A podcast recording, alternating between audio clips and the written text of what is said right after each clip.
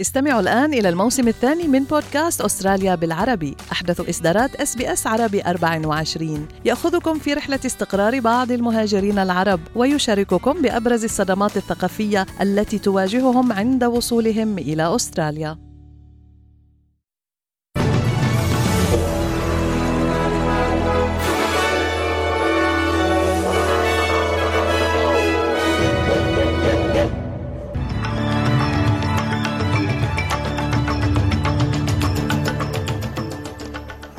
النشرة قصف إسرائيلي عنيف على جنوب غزة وتراجع آمال التوصل إلى هدنة في القطاع.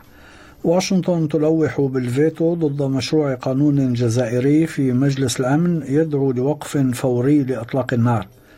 احتدام السجال بين الحكومة الفيدرالية والمعارضة بشأن أمن الحدود. أكثر من ستين قتيلا من جراء أعمال عنف قبلية في بابا نيوغيني.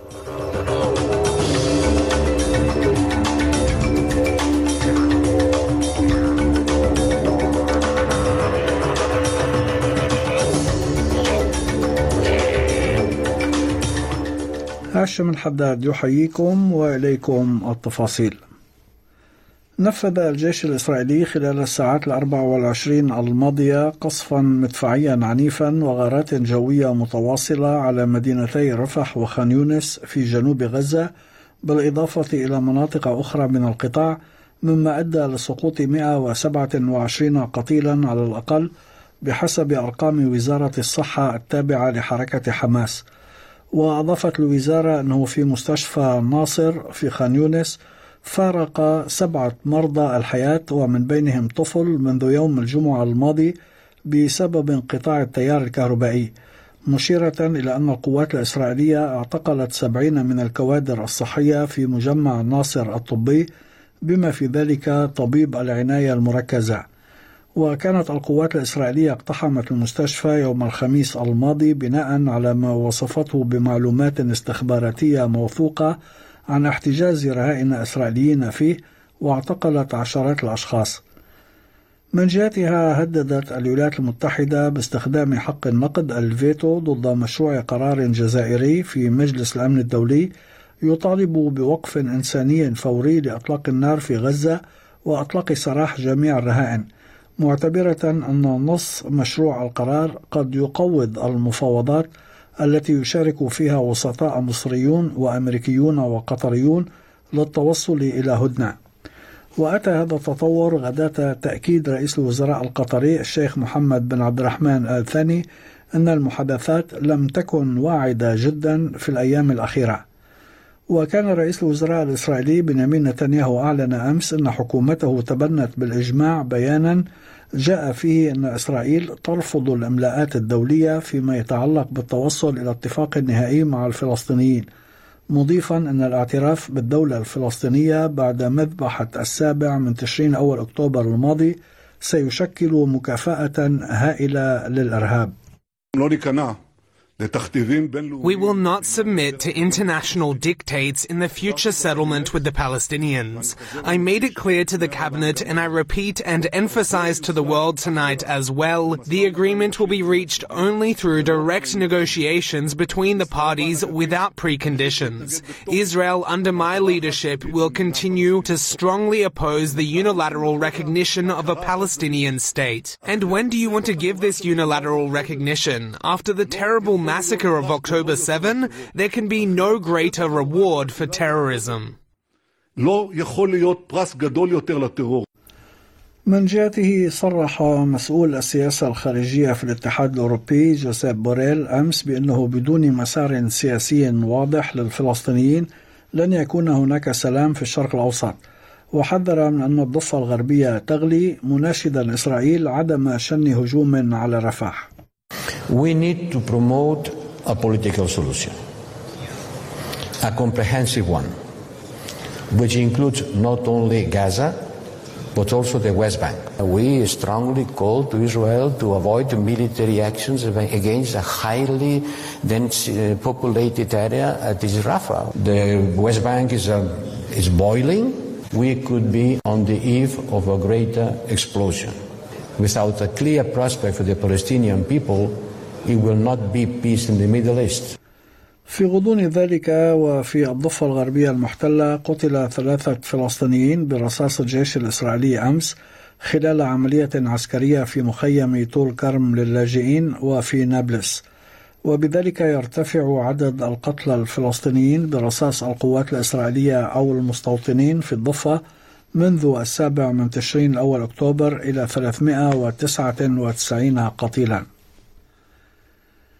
تواصل السجال اليوم بين الحكومة الفيدرالية والمعارضة بشأن أمن الحدود على خلفية وصول مجموعة من طالبي اللجوء إلى شواطئ غرب أستراليا الأسبوع الماضي. وكان حوالي أربعين شخصا من طالبي اللجوء يحملون الجنسيات الباكستانية والهندية والبنغلاديشية نقلوا إلى مركز احتجاز في ناورو بعد وصولهم بقارب أبحر من إندونيسيا إلى خليج بيغل في غرب أستراليا يوم الجمعة الماضي. المعارضة اعتبرت أن الحكومة غير قادرة على حماية أمن حدود البلاد وقال زعيمها بيتر داتون اليوم أن القارب تمكن من الوصول إلى الشاطئ الأسترالي دون أن يتم اكتشافه بسبب وقف الحكومة لطلعات المراقبة الجوية. مضيفا أن العمال لا يؤمنون بعملية سيادة الحدود. Well, the reason the boat got there uh, uh, is because the government has uh, suspended or, or cancelled surveillance flights. That, that's that's the problem. Uh, so this is not a quick dash between Papua New Guinea uh, and the top of Australia. This is a boat that has come undetected into the northwest of our country. Uh, and you've got a Prime Minister who is asleep at the wheel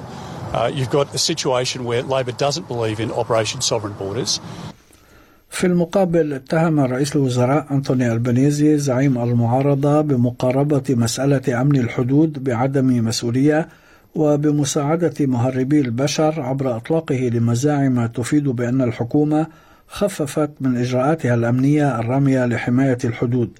وأكد البنيزي أن سياسة أمن الحدود لم تتغير بعد وصول حزب العمال إلى الحكم.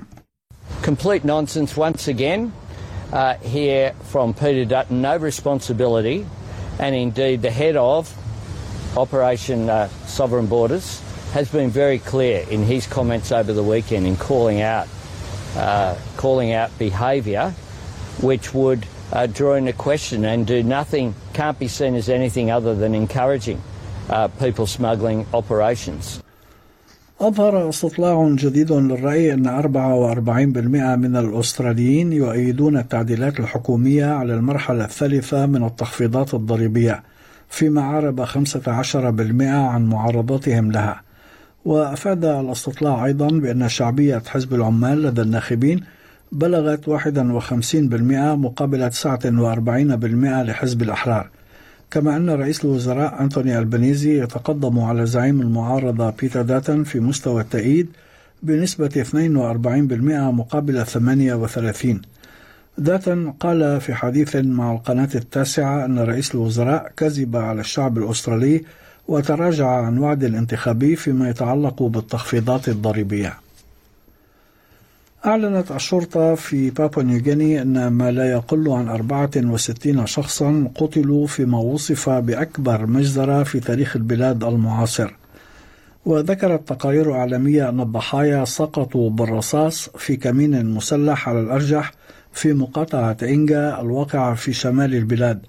وهي منطقة تنتشر فيها منذ زمن طويل النزاعات القبلية التي أودت بحياة 150 شخصا خلال العام الماضي.